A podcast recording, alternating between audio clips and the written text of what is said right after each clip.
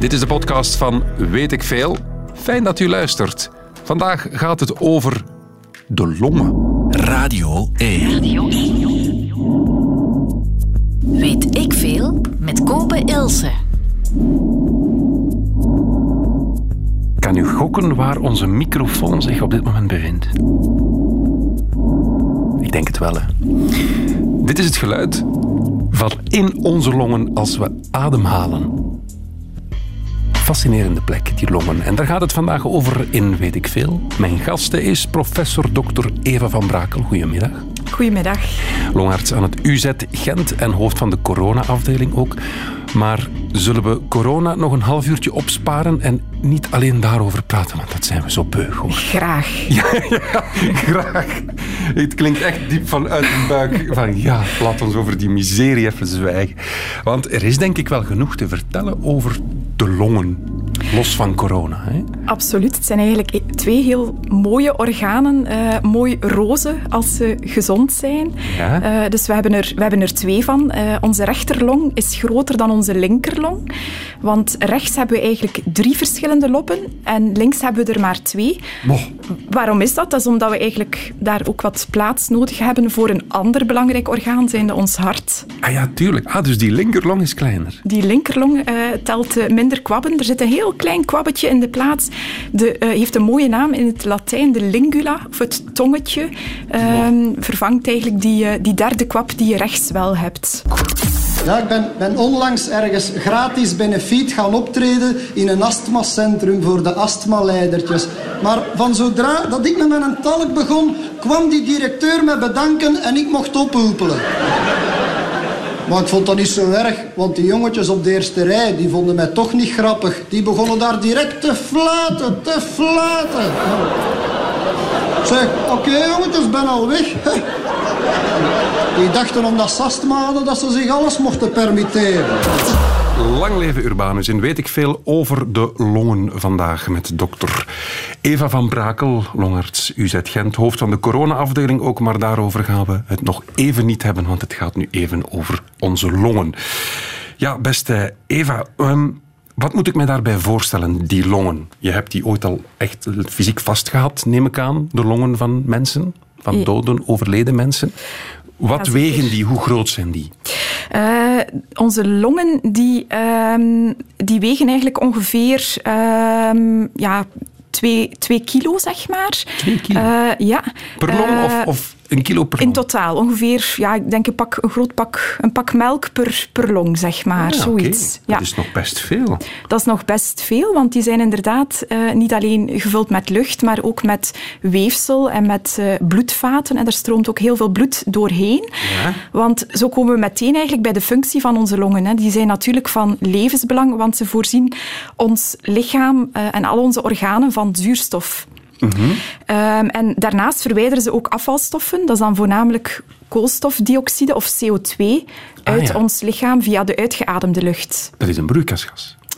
Dat is een eh broeikasgas, inderdaad. Dus eigenlijk, En- wij stoten allemaal CO2 uit. ja, en daarvoor hebben we dan eigenlijk weer eh, de, de bomen nodig om dat eh, terug te Ah, gaan, ja. eh, te gaan verwerken.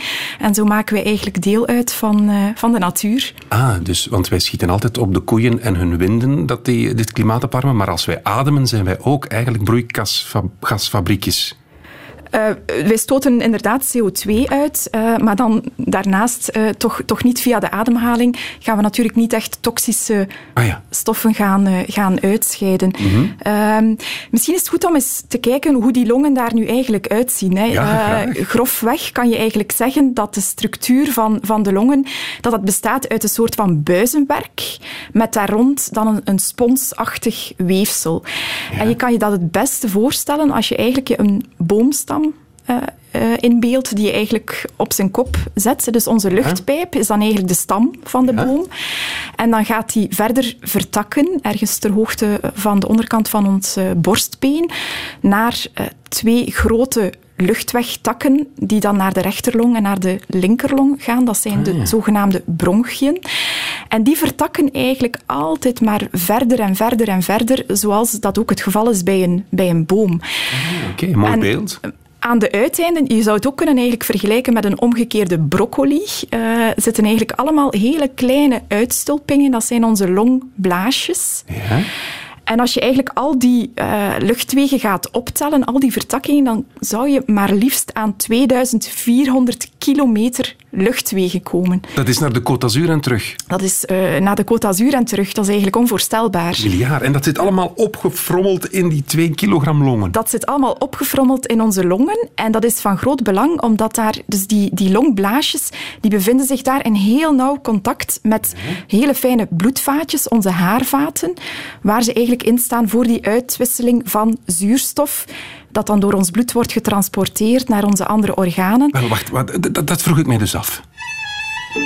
Ik sta in de natuur en ik neem een hap lucht. Wat gebeurt er dan allemaal? Hoeveel lucht adem ik in? Um, je gaat eigenlijk, als je diep uh, inademt, kan je ongeveer een, een, een liter uh, lucht gaan, uh, liter gaan, lucht. gaan inademen. Oké. Okay. Ja. Dat passeert via de mond passeert via de mond, wordt, of ook via de neus, hè, wordt Ja. daar eigenlijk een beetje verwarmd ook door eh, eh, de aanwezigheid van, van trilhaartjes. Daar zijn ook slijmvliezen aanwezig. En dan eh, gaat de lucht natuurlijk verder naar onze luchtpijp. Oké. En uh, ook in onze luchtpijp zijn er eigenlijk trilhaartjes aanwezig die ervoor zorgen dat eigenlijk enkel de wenselijke bestanddelen, uh, bestanddelen van onze ingeademde lucht naar binnen komen. Maar mag ik u even onderbreken? Nu, omdat je zegt zo'n luchtpijp. Ik, ik voelde bij mezelf en dan voel ik onmiddellijk dat strottenhoofd. Kan je dat nu eens uitleggen waarom een man dat heeft en een vrouw niet? Weet je dat? Uh, ja, bij de, bij de man is de adamsappel, iets, uh, ja. iets prominenter. Hè. Dat is eigenlijk een deel van het, uh, van het strottenhoofd Ja. uh, dat je uitwendig kan, uh, kan zien. Ja, dat heeft te maken met, met, met de hormonen die zich gaan, gaan ontwikkelen ter hoogte Ah, ja. van, tijdens de puberteit. En um, dat heeft ook te maken met het feit dat de, de, de, stem van, van de man ook lager wordt op dat moment. Dus dat is Ah, dus eigenlijk de, de, de stemvorming, de klank die je maakt, hè, dat, dat gebeurt ter hoogte van de stembanden die zich inderdaad achter dat strottenhoofd bevinden. En bij de man uh, is dat uh, Oké. iets anders uh, ontwikkeld dan, dan bij de vrouw. Sorry, ik heb je onderbroken. Dus de lucht via de mond of de neus wordt verwarmd via slijmen en wat haartjes, gaat Ja. via de luchtpijp en komt dan al in de longen terecht? En komt via de luchtpijp eigenlijk steeds dieper en dieper via dat buizenwerk, dus die, die vertakkingen, Ja? steeds dieper in de longen terecht. Uh, tot je eigenlijk helemaal aan het einde van die, ja, van die broccoli, als het ware, komt. Hè, van, die, van die kleine longblaasjes. En daar heb je eigenlijk een heel vernuftig systeem. Dus die wand van die longblaasjes is heel dun en is in heel nauw contact met die haarvaatjes die daar rond liggen Waar bloed doorstroomt. waar bloed doorstroomt. En daar heb je eigenlijk een continue uitwisseling van zuurstof naar het bloed toe. Ah ja, En Dat is de O, hè? Dat is de O, O2. O2, hè, O2, zuurstof. Dat, dat wordt opgenomen door het bloed. Wordt opgenomen door het bloed. Dan heb je eigenlijk het hemoglobine dat ons daarbij helpt. Uh, en onze de ro- rode bloed. de rode bloedcellen die inderdaad instaan voor het transport doorheen het lichaam. Daarvoor heb je natuurlijk ook het hart nodig, dat dan het bloed verder gaat rondpompen. ja. En dat is heel belangrijk, want als een orgaan geen zuurstof meer krijgt, dan krijg je eigenlijk een infarct. Hè. Uh, bijvoorbeeld onze hersenen zijn daar heel gevoelig aan. Dus als je 30 uh, seconden geen zuurstof binnenkrijgt, dan kan je eigenlijk al uh, hersenschade gaan oplopen. We gaan het niet proberen, hè? Gaan we niet proberen. Oké. Nee. Want 30 seconden je adem inhouden, dat zou nog wel lukken. Maar zelfs dan heb je al kans op schade. Als dat, als dat veel langer duurt, dan kan je eigenlijk uh, schade hebben. Dus uiteraard kan je daar uh, ook in, in gaan, uh, gaan trainen. Hè. Dus het wereldrecord adem inhouden ligt zelfs Ja. ergens rond 22 minuten, heb ik gevonden. 22 minuten? Ja. Miljard? Serieus? Je ja, kan, dat on- je dat kan is je on- lichaam onvoors- trainen. onvoorstelbaar, hè? Ja. Ja. ja. Maar even terug naar dus die, die, die longen. We hebben ingeademd die, die O2, dus die zuurstof. Die wordt in het bloed opgenomen en wordt dan doorheen het lichaam verspreid. Klopt. Wat blijft er achter in de longen dan? Wel, dat is eigenlijk, er blijft niet echt iets achter, want dat is eigenlijk een continu proces. Hè. Dus men, je gaat ongeveer om de, om de vier seconden ga je eigenlijk nieuwe toelevering krijgen van, van zuurstof. Hè. We gaan ongeveer um, ja, vijftiental keer per minuut gaan ademen als volwassenen. Maar de, bedoeling is natuurlijk dat je zo weinig mogelijk schommelingen krijgt. En dat eigenlijk het zuurstofgehalte zo continu mogelijk wordt gehouden in de rest van het, eh, van het lichaam. Ah. En er is dus ook een continue uitwisseling van afvalstoffen, dus dat eh, koolstofdioxide of CO2, dat dan eigenlijk terug via de uitgeademde lucht naar, eh, naar buiten gaat. Want in de longen wordt die zuurstof afgegeven, maar wordt er ook iets via het bloed terug aan de longen gegeven om uit te ademen? Ja, dat is eh, precies die koolstofdioxide. Ja, ja, ja, ja. Interessant allemaal. Hoe lang is die zuurstof in mijn lichaam? De bedoeling is dat die zuurstof eigenlijk continu in je, in je lichaam blijft eh, Maar het moment, ik circuleren. adem nu in, die zuurstof komt niet in mijn lichaam, wordt door het hart door mijn lichaam gepompt. Hoe, hoe lang zijn die bepaalde zuurstofdeeltjes in mijn lichaam? Ja, dat zal inderdaad eh, ongeveer. Een, een, een, dat zal meerdere seconden zijn tot die eigenlijk overal worden opgenomen, want onze energiefabriekjes in onze organen gaan die zuurstof eigenlijk gebruiken om de organen te doen werken. Hè, om bijvoorbeeld eh, het, het, het suikermetabolisme op gang te krijgen. En om ervoor te zorgen dat dat niet stilvalt, kan je inderdaad je adem niet blijven inhouden en moet je opnieuw inademen om, om opnieuw zuurstoftoevoer te krijgen. Dat is, ze zeggen dat je kan jezelf niet verstikken. Klopt. Je kan niet je adem inhouden en gewoon zeggen, nu ga ik dat doen tot ik doodval. Klopt. dat echt? Dat, eh, dat is inderdaad correct. Eh, dus in principe is de ademhaling is iets wat dat je eigenlijk niet moet bij nadenken. Net zoals de spijsvertering of de hartslag, wordt dat eigenlijk aangestuurd door ons wat we noemen autonoom zenuwstelsel. Dus dat is iets wat zichzelf eigenlijk eh, regelt.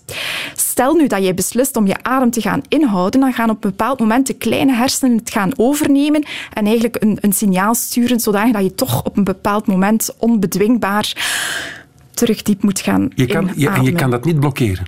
Je kan dat eigenlijk niet blokkeren. Fascinerend. En ehm, ja, wat ik me nog afvraag, hoe, hoe komt het... want lucht, je hebt luchtdruk.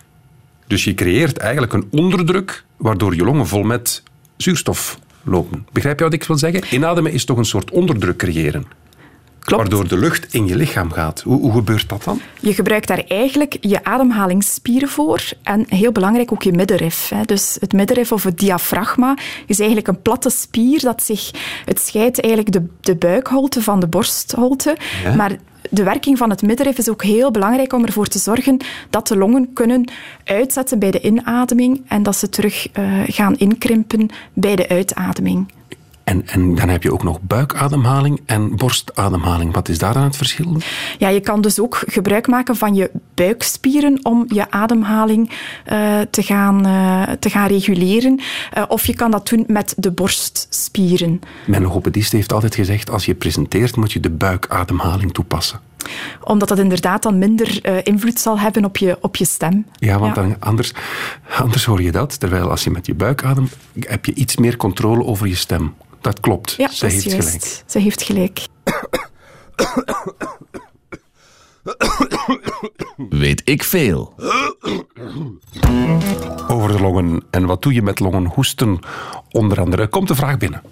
Kan je die voorleggen? Beste Eva. Longarts, UZ Gent. Even kaderen. Florian Mertens stuurt een vraag. Inademen via de neus zou gezonder zijn. Klopt dat? Eh, inademen via de neus, zeker tijdens het sporten, is ook een manier om je ademhaling te controleren. Ja. En het voordeel is dat je inderdaad via de neus ook een betere ja, opwarming krijgt van, eh, van de lucht. Want de Eh, mond is groter. Je kan toch veel meer lucht tegelijkertijd met je mond binnen. Klopt, maar via de neus heb je eigenlijk eh, ook wat, wat een grotere densiteit aan trilhaartjes die daar aanwezig zijn, Mhm. die dus ook de, de lucht meer gaan, eh, gaan filteren. Nou ja, maar de vraag was gezonder. Die die neushaartjes gaan bijvoorbeeld fijn stof of zoiets van die dingen, gaan die dat kunnen filteren? Bijvoorbeeld, dat is, dat is de functie van die trilhaartjes, is inderdaad de, de ongewenste indringers gaan tegenhouden. En dat kan zijn fijn stof. Ja. Eh, wel, het is te zeggen, fijn stof gaat daar makkelijk door, maar dus stofdeeltjes, roetpartikels en dergelijke. Maar ook... ehm, Indringers als bepaalde bacteriën of, eh, of virussen gaan eigenlijk door die, door die trilhaartjes worden tegengehouden.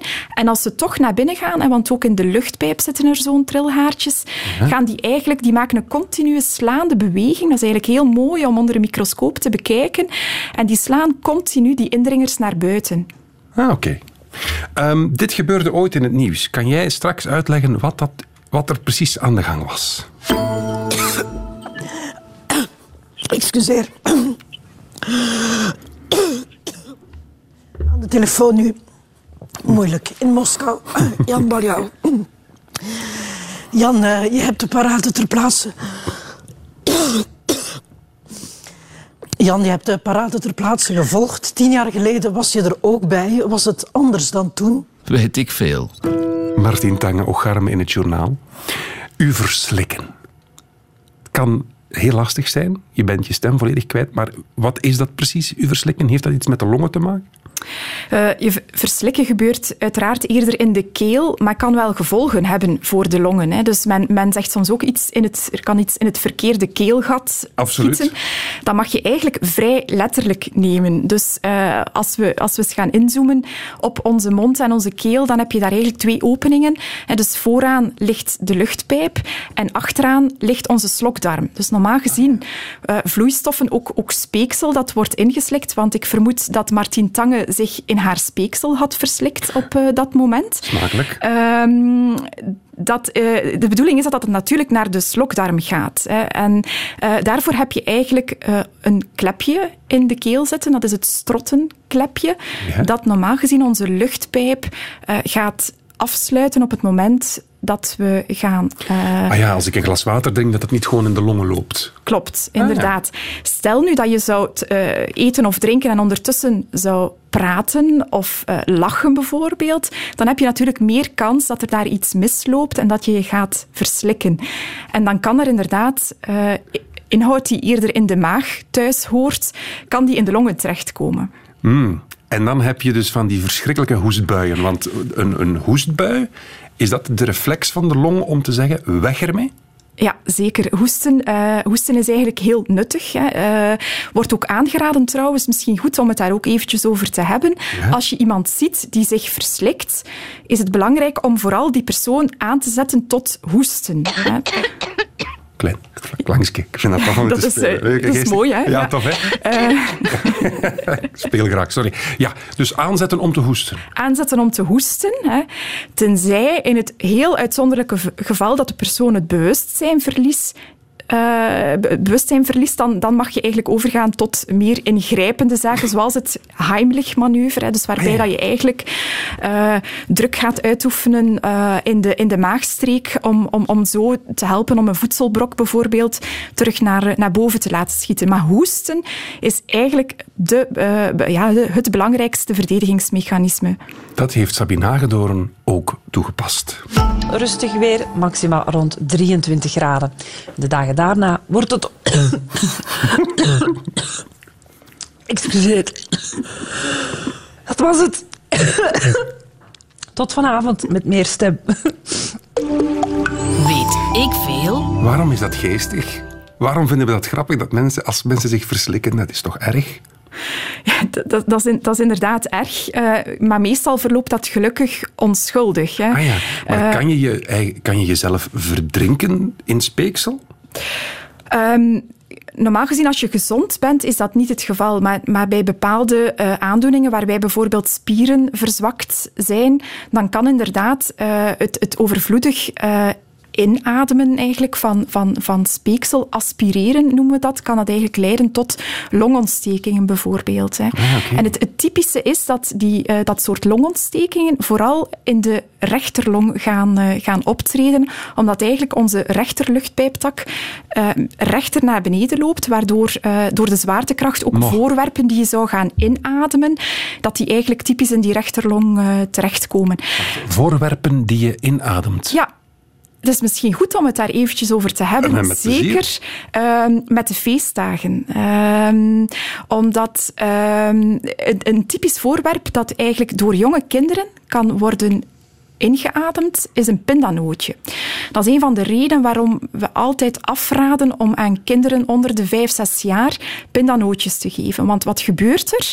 Dus ze proeven die zoute smaak, ze schrikken daar een beetje van. Hè. Dus ja. ze gaan dan plots gaan inademen uh, vanuit die schrikreflex. En dat pindanootje gaat dan typisch uh, in de luchtpijp schieten en kan dus eigenlijk dieper in de longen uh, luchtpijptakken gaan eh, verstoppen. En dat kan eigenlijk heel ernstig verlopen. En dan moet dat eigenlijk ook opnieuw met een tangetje langs de luchtpijp verwijderd worden. Of als dat niet lukt, kan het ook longontstekingen veroorzaken. Klopt het dat ja, de, de, de flippo's in der tijd. Ken je dat nog? Dat zat in zakken chips. Ja. Weet je dat nog? Ik, ik ga even. Ik denk dat. In de zakken van Smis zit een fantastisch nieuw spel. Flippo's. Je speelt het zo. Stapel de flippo's. Gooi er eentje bovenop. Je ziet ze draaien en die met het plaatje naar boven vallen winnen. Die zaten in de zakken chips vroeger. En klopt het? Ja, ik dacht, ik denk het wel. Er is iemand in gestikt en daardoor zijn die afgeschaft.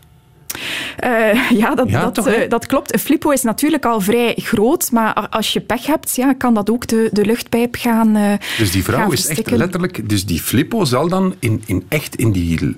Tot in de longen? Zou dat, kan, zou dat tot in de longen geraakt Ik zijn? vermoed dat die niet zo diep zal Nee, eh, geraakt zijn, maar ook natuurlijk als die bovenaan in de keel vastraakt, dan kan die ook eh, eh, heel gevaarlijk de, de, de luchtweg volledig gaan, gaan verstoppen.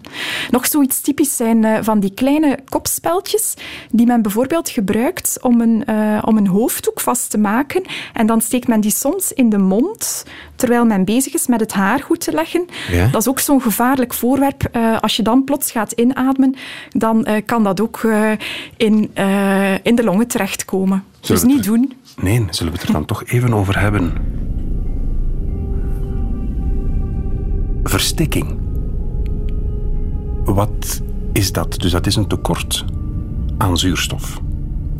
Dat wil zeggen dat je longen geen zuurstof meer kunnen doorgeven, denk ik, aan je lichaam en aan het bloed. Dat hebben we al geleerd hè, via de longplages. Klopt. Wat gebeurt er met je lichaam als je stikt? Je kan natuurlijk stikken door verschillende oorzaken. Dus er kan een uitwendige verstikking optreden. Ehm, onze luchtpijp is daar voor een groot deel tegen beschermd, eh, doordat er eigenlijk een, een, een kraakbeenwand aan de voorkant is voorzien, hè, zodanig dat je die niet zo heel makkelijk kan eh platdrukken. Ah, daarom, Eh, is die, daarom is dat hard aan de voorkant. Daarom is dat hard aan de voorkant, inderdaad. Dus daar zitten kraakbeenringen om die luchtpijp open te houden. Natuurlijk, iemand met slechte bedoelingen eh, kan, kan er toch in slagen om de keel dicht te nijpen. hè. Dus dan kan je van verstikking spreken. Maar ook inderdaad langs inwendig, en we hadden het daarnet over verslikken, kan je eigenlijk verstikt geraken als de luchtweg versperd geraakt en als het zuurstof inderdaad niet meer tot in Mhm. eh, de longen geraakt. En welke systemen gaan dan gebeuren dan in je lichaam als je, als je stikt? Als je, als je tekort aan zuurstof hebt, wat, wat gebeurt er dan allemaal? Sterven cellen af? Cellen gaan afsterven, eh, sterven voornamelijk eh, eerst ter hoogte van de weefsels die heel veel eh, energie verbruiken. Hè. Dus onze hersenen zijn al aangehaald, zijn daar met name heel gevoelig aan. Hè. Dus dan kan eigenlijk hersenschade en uiteindelijk hersendood optreden.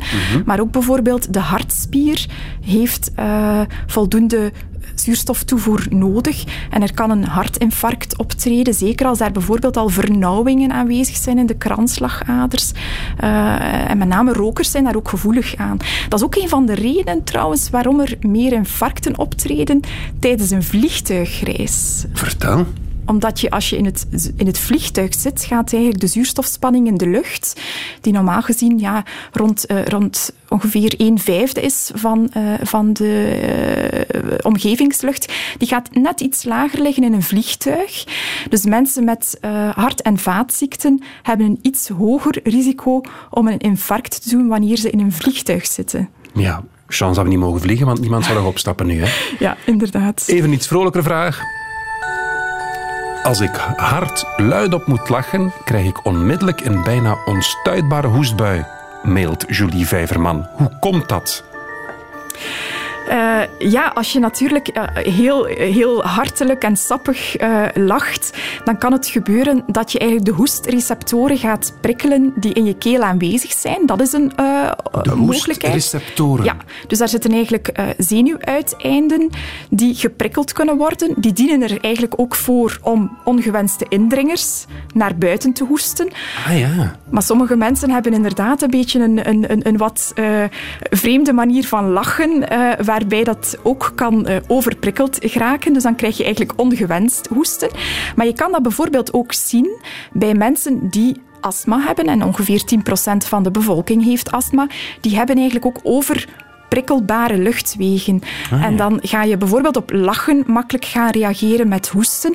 Uh, maar, maar evenzeer bijvoorbeeld op koude lucht of op, op inspanning is nog zo'n mogelijke prikkel of luchtvervuiling die, uh, die hoest kan gaan uitlokken.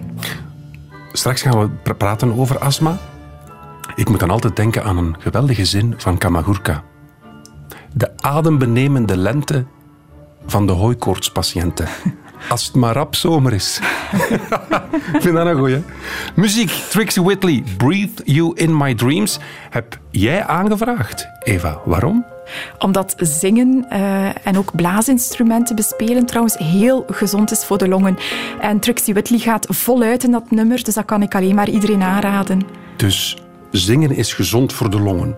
Ja, omdat je eigenlijk delen van je longen gaat aanspreken. Ook longen willen geventileerd worden, ja. uh, die je anders niet gebruikt als je gewoon gaat praten. Kijk, en uh, we kunnen wel van een heel mooie stem spreken, met een Zeker. grotere longinhoud misschien dan iemand anders. Daarover, daarover gaan we het straks hebben. Weet ik veel over de longen met Trixie Whitley. Goedemiddag.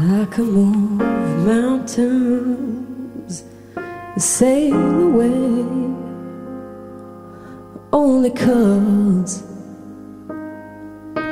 I got this much faith, this love is alive, but I'm crying and lonely these nights. Silver shadows walking by my side. Shadows walking by our side. But I ain't coming. I ain't coming home. But I breathe you. I breathe you in my dreams.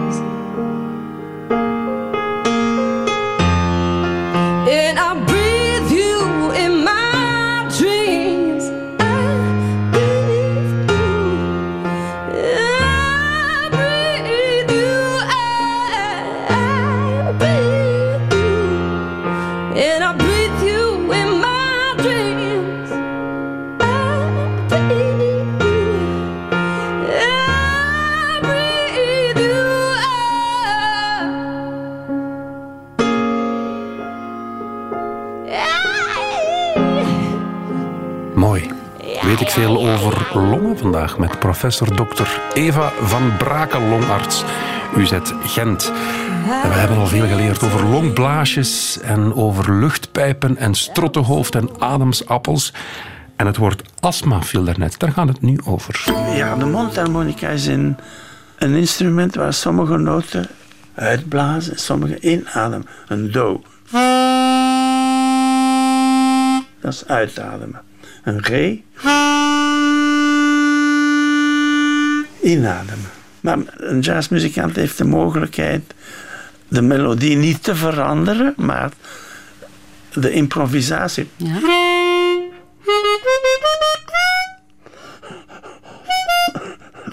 Ja, ik overdrijf. I drive over.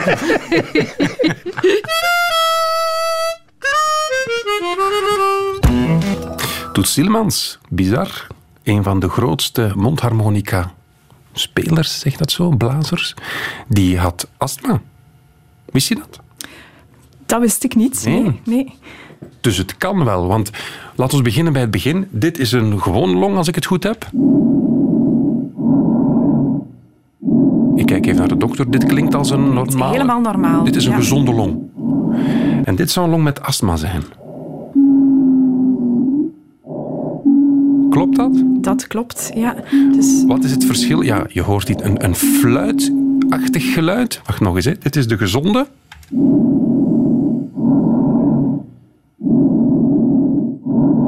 En dit is de zieke. Wat horen we? je hoort eigenlijk als het ware piepend geluid. In het Engels zeggen we wheezing. Ja. Dat zich voornamelijk eh, in de, tijdens de uitademing manifesteert. En dat komt eigenlijk omdat bij astma specifiek de luchtwegweerstand tijdens de uitademing eh, vergroot. Eh, wat gebeurt er nu bij iemand die astma heeft?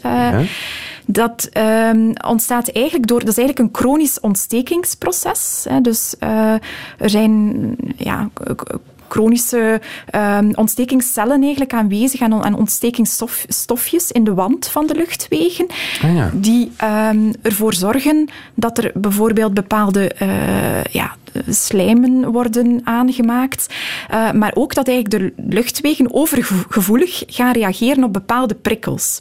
Bij iemand die allergisch is, kan dat bijvoorbeeld eh, eh, een allergeen zijn. Hè. Dus we hadden het daarnet over hooikoorts bijvoorbeeld. Hè. Dus Mhm. pollen die in de lucht hangen kunnen ook astma veroorzaken. Bij andere personen kan dat bijvoorbeeld inspanning zijn of kan dat de overgang van, van warme lucht naar koude lucht bijvoorbeeld zijn. Dat is ook zoiets heel typisch. Het kan astma veroorzaken, zeg je. Het kan de uitlokkende factor zijn voor astma. Ah ja. Bijvoorbeeld ook het spuiten van ehm, parfum of deo in de badkamer. eh, s ochtends kan wat op, op de adem eh, pakken, Ja, ja, ja, zoals absoluut. men zegt. En eh, mensen met astma zijn daar veel gevoeliger aan. Wat gebeurt er nu? Onze, eh, in onze luchtpijp eh, en in onze kleine luchtwegen zitten er allemaal gladde spiercellen. Ja. En die gaan eigenlijk gaan samentrekken door die eh, ontstekingsreactie. En dan krijg je eigenlijk een, ver- een verhoogde weerstand, waardoor je dat piepend geluid gaat horen tijdens Ah, de uitademing. Dus het is een soort ja, een vernauwing waardoor lucht wordt samengeperst, zoals bij een instrument, en dus eigenlijk een fluittoon geeft. Klopt. Heb je dan ook minder zuurstofopname daardoor? Of heeft dat niets met, het een niks met het ander te maken? Als dat heel ernstig is, kan een astma-aanval nog altijd dodelijk zijn en tot, eh, tot zuurstoftekort leiden. Absoluut. Daarom die puffertjes. Je ziet dat bij mensen die het hebben, die moeten dan puffen. Wat, wat gebeurt er dan? Dat is medicatie dat je onmiddellijk inademt, denk ik dan.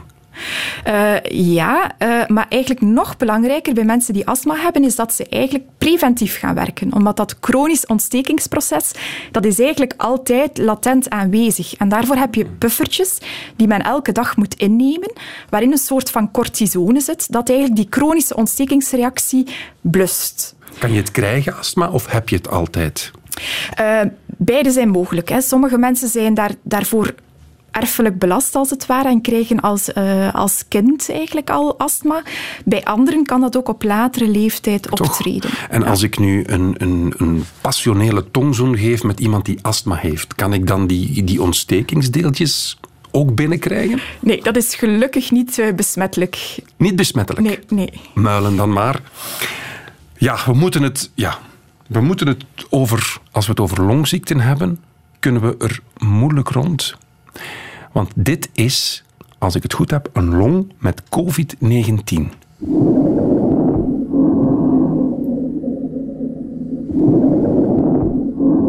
Zo staat het toch op YouTube. Kan het? Het kan, ja. Zeker niet bij alle patiënten met COVID-19 eh, hoor je dat geluid. Wat je hoort is eigenlijk een soort van krakend geluid. Dus we heten dat crepitaties. Dat wordt eigenlijk veroorzaakt doordat de, de wand van de eh, longblaasjes voornamelijk, dat die eigenlijk helemaal ontstoken zit, dat daar vocht in zit. Hè, dus Ja. veroorzaakt door de vele ontstekingsstofjes die het virus gaat uitlokken. En uiteindelijk kan er ook zelfs een soort van ja, verlittekening, fibrose als het ware, eh, optreden, die gelukkig in veel gevallen een tijdelijk eh, fenomeen is. Maar dat kan inderdaad dus dat krakende geluid geven. En nog één keer luisteren, ik vind het ongelooflijk fascinerend. Dus we doen nog eens een gezonde long.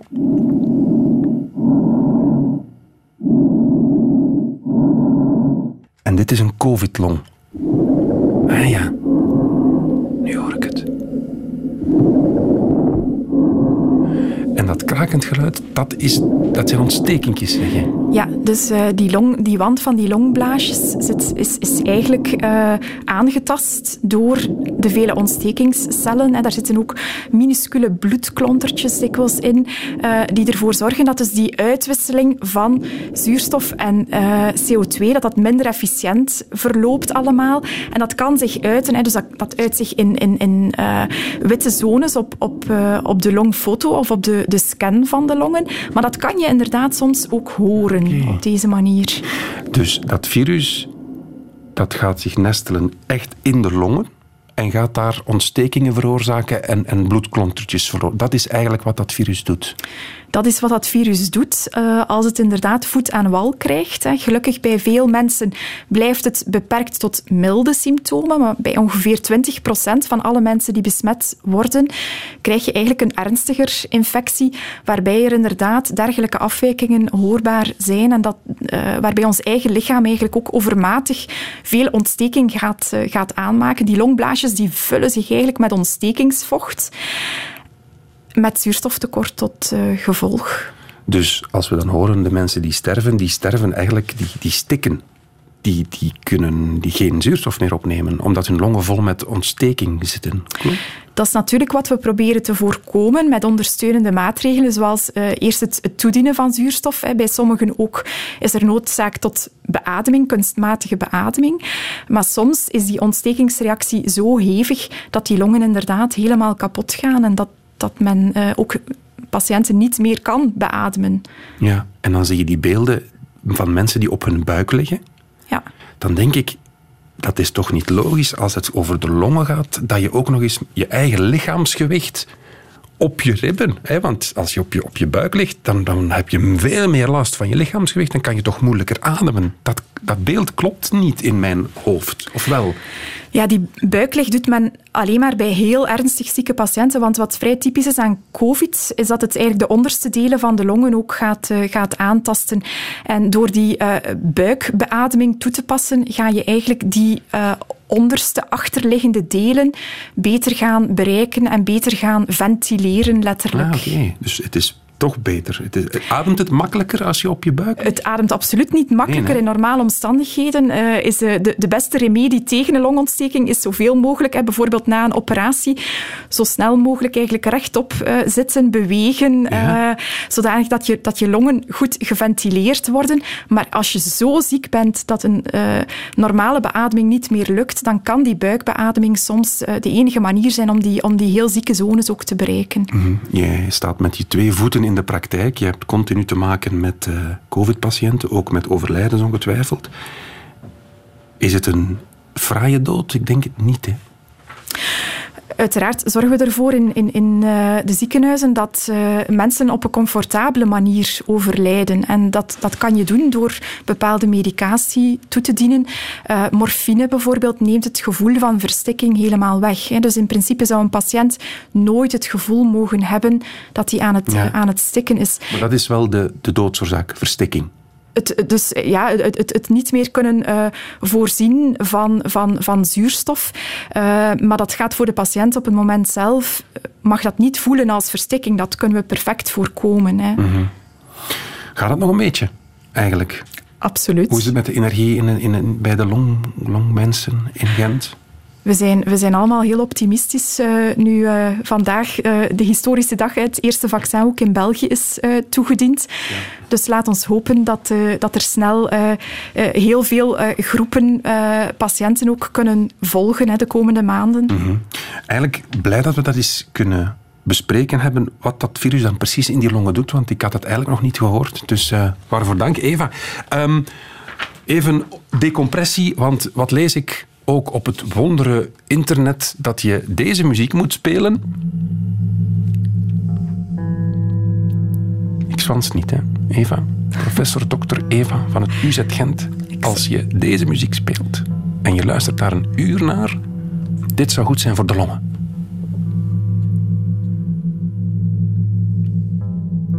Gaan we eens een experiment moeten mee opzetten, denk ik. zie je kijken van, wat, dit is echt, dat zo op, echt op YouTube. En dan, het, het, gra- het, het grappige is, honderden reacties van mensen die zeggen, ja, het werkt, ik had een hoestje en nu niet meer. Zou het ook kunnen zijn omdat je misschien een soort ontspanning kent door dit soort muziek. En dat je daardoor hoest kan onderdrukken omdat je ontspannen bent. Heeft, heeft stress invloed op longen? Eh, ja, en vice versa. Dus door je ademhaling te gaan controleren op een rustige manier te gaan ademhalen. En deze muziek kan daar eh, bij iemand die daar vatbaar voor is, denk ik, zeker het, eh, het, het benodigde effect uitlokken. Kan je ook eigenlijk een stuk stress wegnemen. Denk maar aan yoga bijvoorbeeld. Hè. Daar, Ja, daar worden die principes ook vaak toegepast. Ja. Nu we het toch over yoga hebben, wat is het beste tempo van ademhalen als je echt goed wil inademen? Is dat, want als we het doen onbewust, dan is het vrij snel, denk ik. Hè? Je ademt vrij snel. Maar moet je echt je tijd nemen af en toe? Of, of maakt dat eigenlijk niet uit? Moet je je longen leren uitzetten? Helpt dat? Wel, je kan, op zich kan je tot rust komen door je ademhaling te gaan controleren. Denk maar bijvoorbeeld aan de slaap. Hè. Daar gaat eigenlijk onze ademhalingsfrequentie verminderen naar zes keer per minuut. Hè. Ah, oké. Eh, maar wat er vooral helpt, is eigenlijk het trainen van je ademhalingsspieren. En dat kan je bijvoorbeeld ook doen door eh, te sporten. Ah, oké. Dus ja, tuurlijk, want als je sport, dan gaat die, die hartslag omhoog, dus je hebt meer zuurstof nodig, dus ga je automatisch beginnen pompen, echt. Dat is goed voor de longen ook. Sporten is absoluut goed voor de longen. Ja. Ik heb een verscheurende keuze tussen het examen of nog wat vragen van luisteraars. We gaan voor het tweede gaan. Ehm, Stef vraagt. We hebben niet heel veel tijd meer, Eva, dus... Hè? Mijn longen zijn aangetast van de schimmel in mijn huis. Maar Stef, dat is heel persoonlijk. Kan dit zich nog herstellen als ik verhuis of is dit definitieve schade? Dat hangt ervan af eh, hoe goed je afweersysteem eh, werkt. Eh, veel van de schimmelsporen gaan door je trilhaartjes naar buiten gewerkt worden, gelukkig maar. Oef. Griet de Geiter vraagt, hoe komt het dat ik de hik krijg bij het drinken van een kop soep of warme chocolade, niet bij het drinken van koffie? Heb je daar een... Daar heb ik ook ver- geen nee. verklaring voor, helaas. Ehm Griet Smets, is het zo dat je als ouder, als je ouder wordt, 70 plus bijvoorbeeld, je je meer verslikt? Ja, dat is heel correct. Daarom zien we Ja. ook meer longontstekingen bij eh, oudere mensen. hè. Dus je gaat je ook ongemerkt verslikken als je ouder wordt, bijvoorbeeld in je speeksel. En zo ga je eigenlijk bacteriën die zich in je keelholte bevinden naar je longen brengen. We hebben nog 30 seconden. Nog een vraag hè? van Greet bijvoorbeeld. Als je iets inslikt en dreigt te stikken, maar je bent alleen, wat dan? Er is dan een middel met een stoel, dacht ik. Hoe werkt dat? Je moet vooral hoesten als je eh, dreigt te stikken. Ehm, en als dat niet zou, eh, zou helpen, dan kan je proberen het Heimlich-manoeuvre na te bootsen met een stoel.